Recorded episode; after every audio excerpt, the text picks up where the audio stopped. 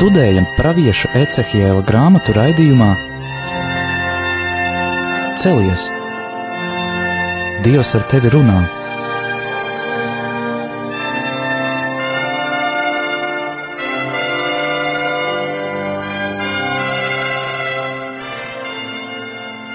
Slavēts Jēzus Kristus, mūžīgi mūžos slavēts, studijā Stēlā, un Anģela.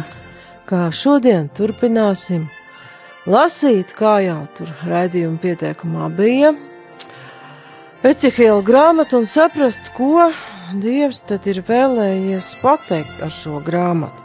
Iepriekšējā reizē mēs lasījām 22. nodaļu un atklājām, ka tur esošie norādījumi un šis varētu teikt izradzētās tautas pārkāpumu katalogs atbilst pat mūsdienu situācijai.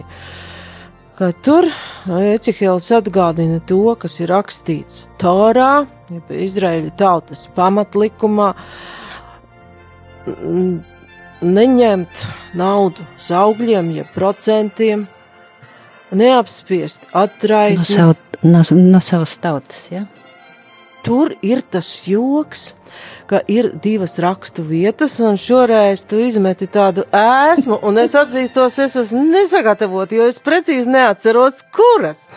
Ka viena ir, kas saka, no savas tautas, bet ir vēl viena paralēla rakstu vieta, kas apzīmē, kad no jebkura kad ne no viena nedrīkst teikt, un ja, nedrīkst plēst tos procentus, un jaunās darības izpratnē, kas tad mēs visi esam. Viena tauta, Viena dieva tauta. bērni. Dieva bērni, jaunās derības izradzētā tauta, jeb pat laikam kāds pasniedzies tā teica, mēs visi esam jaunās derības, žīdi. Tātad, principā, pēc dieva likuma nevarētu ekonomiku balstīt uz šo procentošanu, bet kas notiek patreiz pasaulē un, diemžēl, arī Eiropā un valstīs, kas ir pēc tradīcijas bijušas kristīgas, Visa ekonomika balstās tieši uz sistēmu, kas uztur sevi no šiem procentiem. Tāpat tur mēs lasījām arī par tādiem likumiskiem norādījumiem, ko arī varētu izvērt plašāk caur Levītu grāmatu, kur ir arī uh, ne tikai tādas laulības pārkāpšanas aizliegums klasiski, ka atrada kādu citu sievieti vai tur uzbruka jaunu vai, bet arī ir aizliegtas šīs uh, homoseksuālās attiecības un pat zoofīlija, ja mēs lasītu Levītu grāmatas 18. nodaļu. Bet šodien jau mēs redzam, ka tas, ko svētie raksti aizliedz, par ko runā arī apustulis Pāvils, uh, ka ne vīriešu mīlētāji, ne vēl tur uzskaita viņš vēl daudz citus grēkus debesīs nekļūs, tas patreiz tiek padarīts par normu. Nu, varbūt īsts ieskats, kad uh, daudziem liksies, nu kas tad tur ir, nu lai katrs dara kā viņš uh, grib. No vienas puses, jā, viņam ir brīvība un tiesības iedotas jau ēdenes dārzā, bet mēs pestīšanas vēstures gaitā redzam, ka Dievs ir ieinteresēts, lai tauta, jebkura, vai tie ir latvieši, krievi, poļi, lietuvieši, lai šīs tautas dzīvotu, uzturētu šo savu īpatnību, kultūru un būtu lielas, lai viņas neizmirtu. Bet šāds ceļš, kur tiek ignorēta vīrietis un sievietes, šī ģimene, kas savstarpēji var turpināt dievu darbu, radīšanu, radīt jaunas dzīvības, pie tām ļoti iecienītajām mūsdienu pasaulē it kā normām, šis ceļš tiek nogriezts. Viņš vienkārši nepastāv. Tātad Ecihēls runā par visu to, kas ir nepieciešams, lai jebkura tauta dzīvotu, turpinātu patstāvēt un varētu arī kļūt svēta, ievērojot kunga likumu. Un vēl mēs tur jau redzējām tādu kā ievadu tam, ko mēs lasīsim šodien, ka tiek likti kopā dažādi metāli Jeruzalemē, sapulcēta tauta, jūs esat palikuši par izdeģiem. Sudrabs, varš, dzels, svins, alva, nu, jebkurš juvelieris pateiks, ka kaut ko tik neiedomājamu kopā diez vai kāds liks, ceplī kausēšanai. Kausēšana parasti ir saistīta ar pārbaudi un attīrīšanu sudrabu, zeltu arī attīra kausējot, Nu, pastāv gan arī ķīmisks vielas, kas, teiksim, arī to pašu zeltu iznīcina pilnīgi, ja te ir divas kābju maisījums, ko sauc par karaļūdeni, tas var iznīcināt vispār. Bet šeit ir runa par kausējošo uguni. Bet, lasot 24. nodaļu šodien, mēs redzēsim jau, ka var būt tāda situācija, kad pēc kausēšanas nekas tur vairs nepaliek.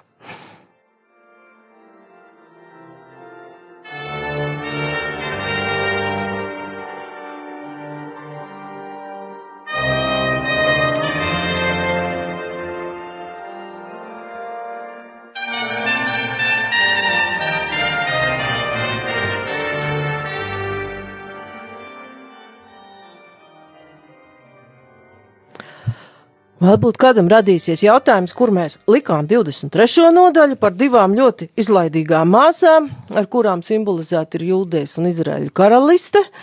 Mēs to nedaudz jau skatījāmies iepriekšējā gadā, un principā šie tēli atkārto to pašu, kas jau ir visā Ecihēla vēstījumā, tur ir šī paļaušanās uz dažādām tautu savienībām un laicīgu palīdzību, kas, diemžēl, noved tur šo izlaidīgo sieviešu tēliem ir parādīts tas, ka paļaušanās uz tādiem pat militārām savienībām, ekonomiskām, kur līdz nāk citas tautas mentalitāte, viņas elku dievi, ideoloģija, tas palīdzības lūdzējs diemžēl ir spiests zināmā mērā pat pārdoties.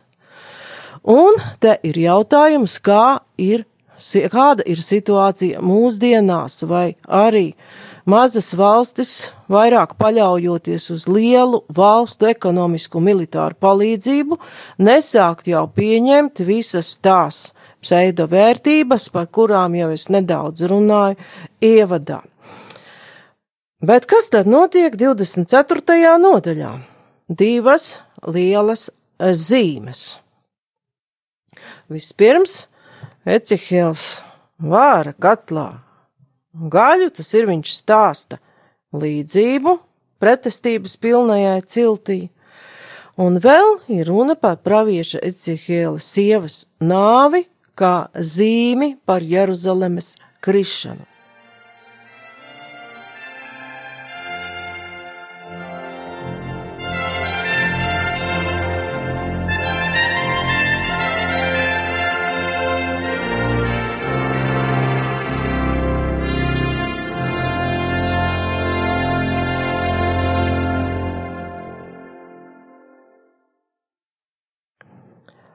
Nodaļa sākas ar tiem vārdiem, pie kuriem mēs jau pat esam eh, pieraduši. Nāca tā kunga vārds, kunga vārds ir līdzās, bet te ir minēti 9. gada 10. mēneša 10. diena. Tur tie gadi ir skaitīti no ķēniņa cedekijas valdīšanas sākuma. Un tālāk jau ir tas situācijas apraksts Pierakst sev dienas vārdu šīs dienas vārdu, jo taisnis šodien Bābeles ķēniņš ir pienācis tuvu klāt Jeruzalemei un uzsācis tās aplenkšanu. Mēs iepriekš jau runājām par to, ka Bābeles ķēniņam īsti nebija vēl skaidrs, uz kuri pusi iet, un ka viņš, atbilstoši saviem paradumiem, zīlēja, un sapratām, ka pat tādā procesā darbojās dieva apredzība un ka tai viņa zīlēšanā izkrita šis virziens Jeruzaleme. Un te pravietim jau ir informācija, kaut gan tik ātri nekas vēl nevarēja būt zināms, bet pravietis jau caur dieva muti ir informēts, ka Bābels ķēniņš ir klāt, viņš ir pie Jeruzalemes. Un tagad ir jāstāsta pretestības pilnajai ciltī līdzība. Kā redzam, arī šeit vecā derībā ir šis līdzība, ar kuru grib uzrunāt tautu, lai tā saprast, tāpat kā jaunajā derībā. Nu, arī mēs varam lasīt Jeremija grāmatā par to, ka, kad tas notika un kas notika. Un viņa valdīšanas 9. gadā, 10. mēneša dienā Bābels ķēniņš Nebukanaicers ar visu savu karaspēku nāca pret Jeruzalemi, aplenca to un uzcēla tai visu apkārt aplenkuma valni. Jā, paldies. Tā kā redzam, kā šie divi pravieši, kas gan ir dzīvojuši dažādos laikos, runā par vienu un to pašu notikumu, tā tad mēs redzam, ka uh, Dievs visu laiku uzrunā un uzrunā tautu, atkārto kā tādi labi vecāki, lai taču tas bērns beidzot sāk domāt un uh, rīkoties tā, kā ir labi priekš viņa paša. Un tālāk jau ir šī līdzība par podu uz uguns.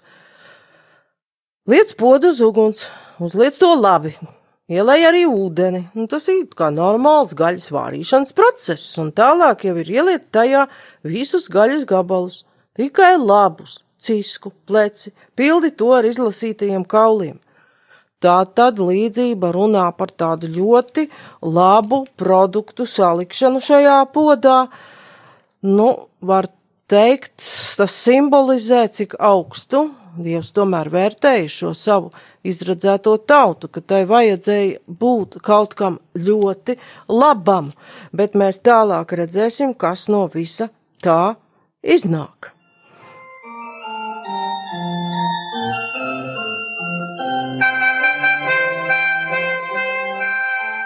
Tad rīkojums vēl ir ņem Vienu no labajām avīm iekurini zem kauliem podā uguni ar malku, lai krietni vārās, lai kauli labi izvārās. Tātad vēl vienu labu avi klāt, un navs ir. Mēs zinām, kas tas pa dzīvnieku ir arī vecajā derībā un arī jaunajā derībā, nu abas simbolizē arī upuri. Jo mēs jau sapratām no iepriekšējām reizēm, ka tur gāja bojā labi cilvēki arī Ne tikai tie, kas bija izlējuši asins, ne tikai tie, kas bija darījuši visas tās lietas, par kurām mēs ievadā jau runājām. Un te atkal mēs nonākam pie tās caur tā jēra tēlu, kāda jēga tad ir tai it kā, kur tā dieva taisnība, kāpēc viņš ļauj ciest tiem taisnajiem. Un šis jautājums ir gan ījab grāmatā, gan, kā jau Anģela to iepriekš vienā no raidījumam uzdeva, Atkal te ir, ka šie cilvēki, tur tas jērs ir tajā pašā katlā, viņi cieš kopā arī ar tiem netaisnajiem par to netaisnību, ko netaisnais ir darījis. Jaunā derībā mēs jau runājām par šo pievienošanos Kristus upurim, lai izpirktu pasaules grēkus. Kā to, ka tur parādās tas jērs, mēs varētu saprast arī tā. Un, un arī apakstuļu darbos mēs varam lasīt par cilvēku nepaklausību. Jūs turgalvīgie ar pagātnu sirdīm un ausīm, jūs vienmēr esat pretojošies svētajam garam, kā jūsu tēvi, tā arī jūs. Paldies! Nu, un šeit šis jaunais, jaunais derības teksts jau paskaidro to, ka ilgstoši atkārtojot vienu un to pašu grēku, cilvēks kļūst jau, kā teikta pāvests Francisks, korumpēts. Jo korupcija eh, Franciska mācībā un arī tajā zemē, valodā, no kuras arī viņš nāk, Argentīnas apzīmē, vēl daudz ko briesmīgāku nekā to, ko mēs tā pazīstam mūsu valstī, paņēma un deva kukuli. Tur tas ir jau jēdziens, kas apzīmē tādu cilvēka samaitātību, ka viņš ir pieradis jau pie tā grēka. Viņam liekas normāli, normāli ņemt kukuli, normāli ir iznīcināt otra dzīvību neatkarīgi vai tieši ar zobenu vai ar tādu normatīvo aktu, kas neļauj otram dzīvot. Viņam liekas normāli, un līdz ar to viņš svētā gara, šo iedvesmu svētā gara runu vairs nespēja sadzirdēt.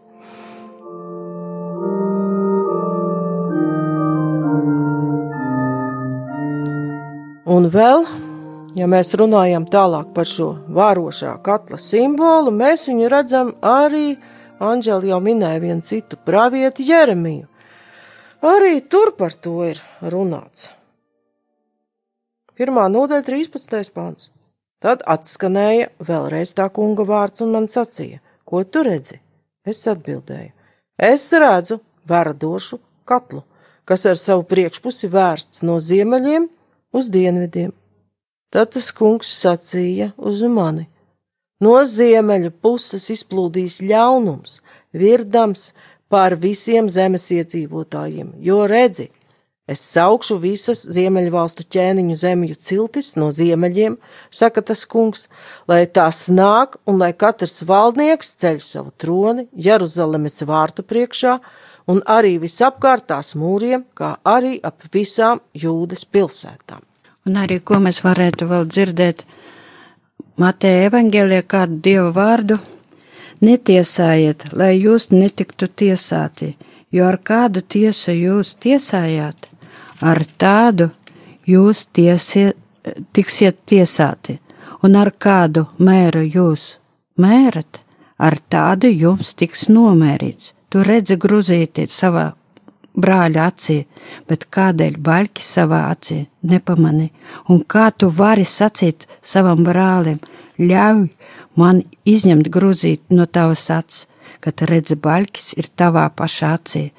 Tu liekuli Izņem vispirms baļķi no savas acis, tad redzēsi, kā izņemt gruzīti no sava brāļa acis. Paldies! Un šķiet, kāds varbūt ir šīs tiesāšanas aprakstam īsti saistība ar to, kas šeit ir. Bet ja mēs lasām visu kopumā šo Ecihila grāmatu, mēs redzam, ka šai izredzētai tautai tiek pārmesta arī šī liekulība. Jau iepriekšējās reizēs mēs redzējām, arī jaunā darībā mēs redzam, ka uz ārpusi it kā viss notiek pareizi, varbūt pat liturģiski pareizi, bet notiek šī laupīšana nabagā. Svešinieku apspiešanu, un dažkārt to var darīt arī tā, ka tiek izdoti tādi likumi, kas to otru cilvēku patais, gribot, negribot vainīgu, it kā viņu notiesā. Vēl kā arī visi šie nodarījumi tiek apmesti tā teikt ar baltu jābu, kā jau 22. nodaļā, 28. pantā mēs lasījām piecihēli bet tās pravieši apmet visu to ar kaļķu javu, tiem stāstīdām par aplamām parādībām, sludina tiem melus, apgalvodam tā saka Dievs tas kungs, kaut tas kungs to nav sacījis. Un kā turēt, varbūt e, tur ir tālāk jau minēts, un arī iepriekš ir minēts šī vadītāju atbildība, gan laicīgo, gan garīgo. Cilvēks dažkārt var ļoti viegli turēt, ļoti akcentējot viņa, tā mazākā cilvēka vainu. Un tas lielais grib sevi parādīt, ka viņš ir labs, tīrs un svēts. Kā mēs šo rakstu vietu no jaunās derības arī tā varam saprast. Un kungs pret izradzēto tautu tomēr ir bargs.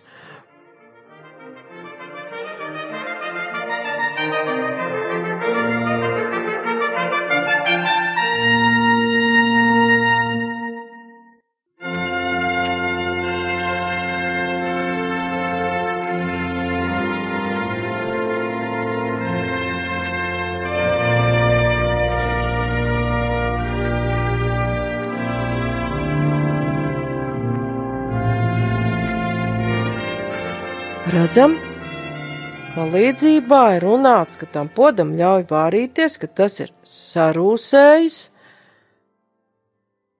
uguns ar malku, lai tas viss labi izvārās. Tādēļ arī saka Dievs tas kungs, mēs lasām. Vēda šai asins aptraipītajai pilsētai, šim sarūsējušam podam, ko rūsa neatstāja. Izņem pa vienam gabalam, gabalu pa gabalam, ārā no tā bez izvēles jo pilsētas izlietās asinis ir vēl tās vidū. viņa tās izlējusi uz kailas klints un ne uz zemes, kur pīšļi tās varētu pārklāt. Lai parādītu savas dusmas un atrieptos, es arī liku visām tām izlietajām asinīm tecēt uz klints, ka tās netiek apklātas. Tādēļ arī saka Dievs tas kungs bēdas šai ar asinīm aptraipītajai pilsētai. Arī es sakraušu ugunskuram lielu malkas grēdu. Te savienojās it kā tas, kas tiek likts līdzībā darīt pravietim Ecihēlam jau ar paša dieva darbību, ka viņš ir tas, kas kur šim ugunskuram lielu malkas grēdu. Un tur tā gaļa tā ir podā jau nevar nekur tikt, viņa tur karst un vārās, un varam saprast, ka runa ir par aplenkto Jeruzalemi, kura paļāvās uz saviem mūriem, nocietinājumiem, militārām savienībām, bet ārā šie cilvēki nekur nevar tikt, un līdzīga situācija atklāsies arī, kad tic aplenks Jeruzalem, jau tas ir 70. gads, jau jaunās derības laikā.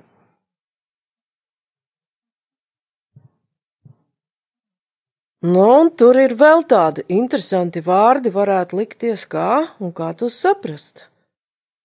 Atgādinājums atnes daudz malkas, iekurina uguni, izvāri gaļu, savāri labi arī vīru un pieliec smaržīgu sāli un arī garšvielas, arī kauli labi, lai savārās līdz pat piedegšanai. Un tur ir runa par to, kā jau mēs lasījām, ka ķēniņš, Haldē ķēniņš ar savu karaspēku ir pie Jeruzalemes mūriem klāt pie tā izrūsējušā katla – un šis teksts runā par to, ka Haldeji ieņems to pilsētu ar tādu apetīti, ka viņiem būs daudz laupījuma. Viņiem patiks viss šis gūms, tā teikt, labi garšos tās pilsētas ieņemšana, ka Dievs to pieļauj šis pagānu karaspēks un svētajos rakstos ziemeļi, ko mēs minējām, dzirdējām pie Jeremijas, ziemeļi vienmēr ir saistīti ar šiem pagānu iekarotājiem. Ieņems pilsētu un laupīs, un viņiem tas ļoti labi patiks. Tā tad ir viņiem, priekš viņiem uh, no grēka labi izvārījuši sēdiens. Arī tagad arī varam izlasīt no Lūkas evaņģēlī Dievu vārdu Jeruzaleme, Jeruzaleme, tu, kas nonāvē praviešus un nometā akmeņiem tos, kas pie tevis ir sūtīti.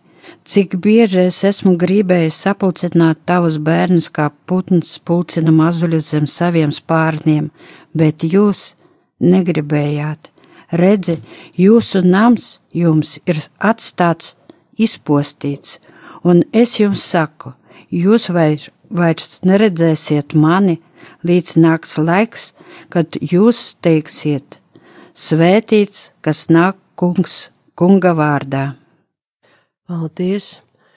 Šeit arī jaunā darībā ir runāts par Jeruzalemes izpostīšanu jau nāk romiešu karaspēks, tas ir jau runa par Tita laiku, bet atsauc ir, ja es nemaldos uz izsē grāmatu, kur ir, kad es kā vista cālīšas gribu savākt zem spārniem, bet tu negribēji. Un te mēs atkal varam jau labāk arī saprast, kas tad tur īsti bija. Dieva pavēnī šī tauta nevēlējās būt, kā mēs saprotam arī no Anžels lasītā un redzam, ka kungs parāda savus dusmus arī tam izlietajām asinīm. Asins tek uz klints, kāpēc? Jo vajadzētu, ka zeme tās atklāja. Iespējams, ka tur ir norādījums uz to, ko Izrēļi daudzreiz arī praktizēja, kad upurēja uz klintīm uz augstienēm elku dieviem, un kā jau iepriekšējos raidījumos arī esmu minējusi, ka tādiem dieviem, kā piemēram Molaham, upurē cilvēks un mazus bērnus. Tā tad izlēja asinis, lai dabūtu izspiest no tiem pagānu dieviem, acīm redzot kaut kādu materiālu labumu.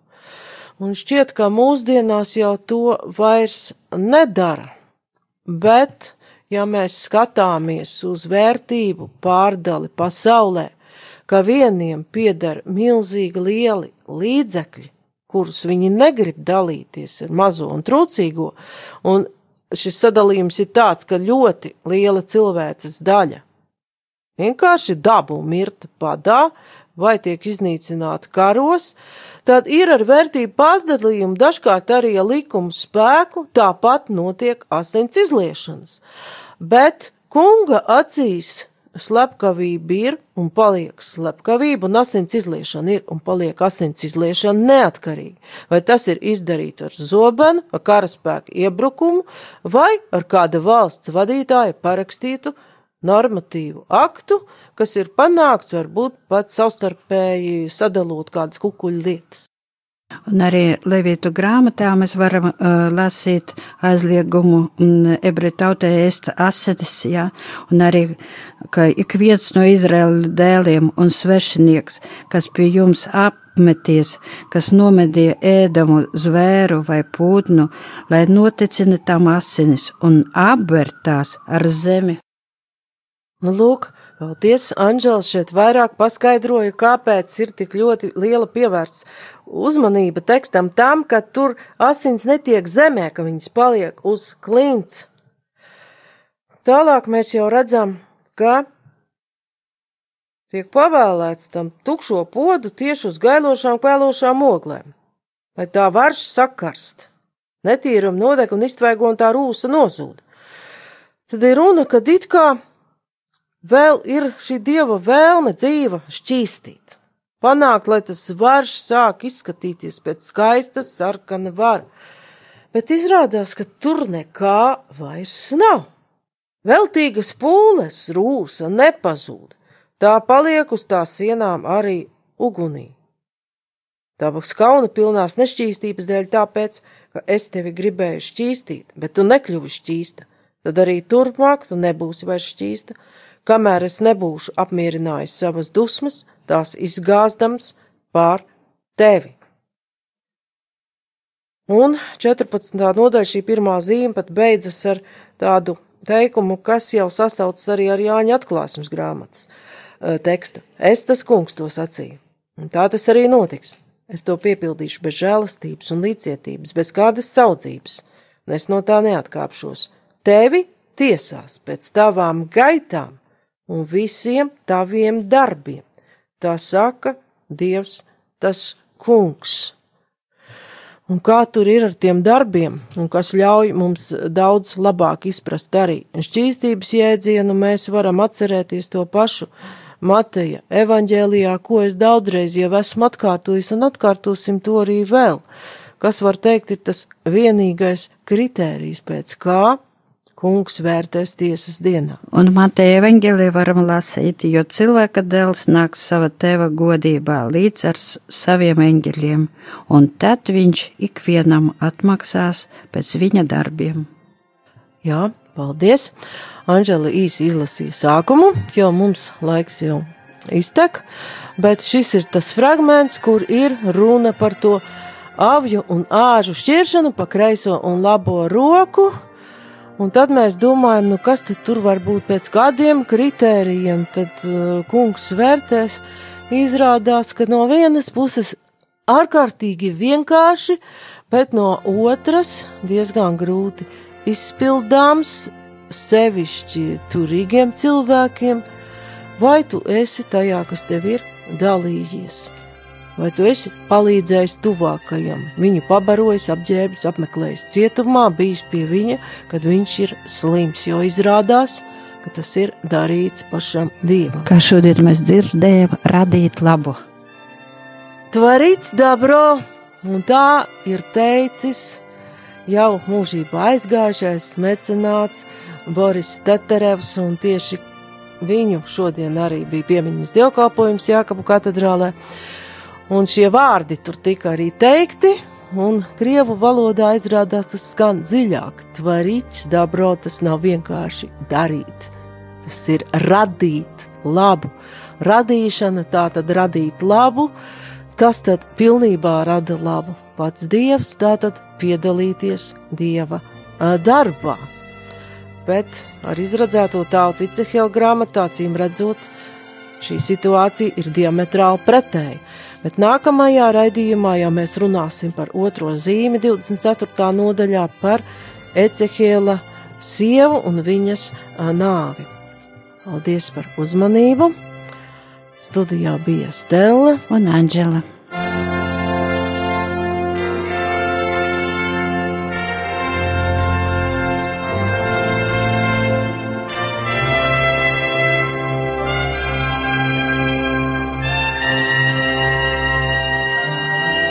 Izskanēja raidījums Celies! Dievs ar tevi runā!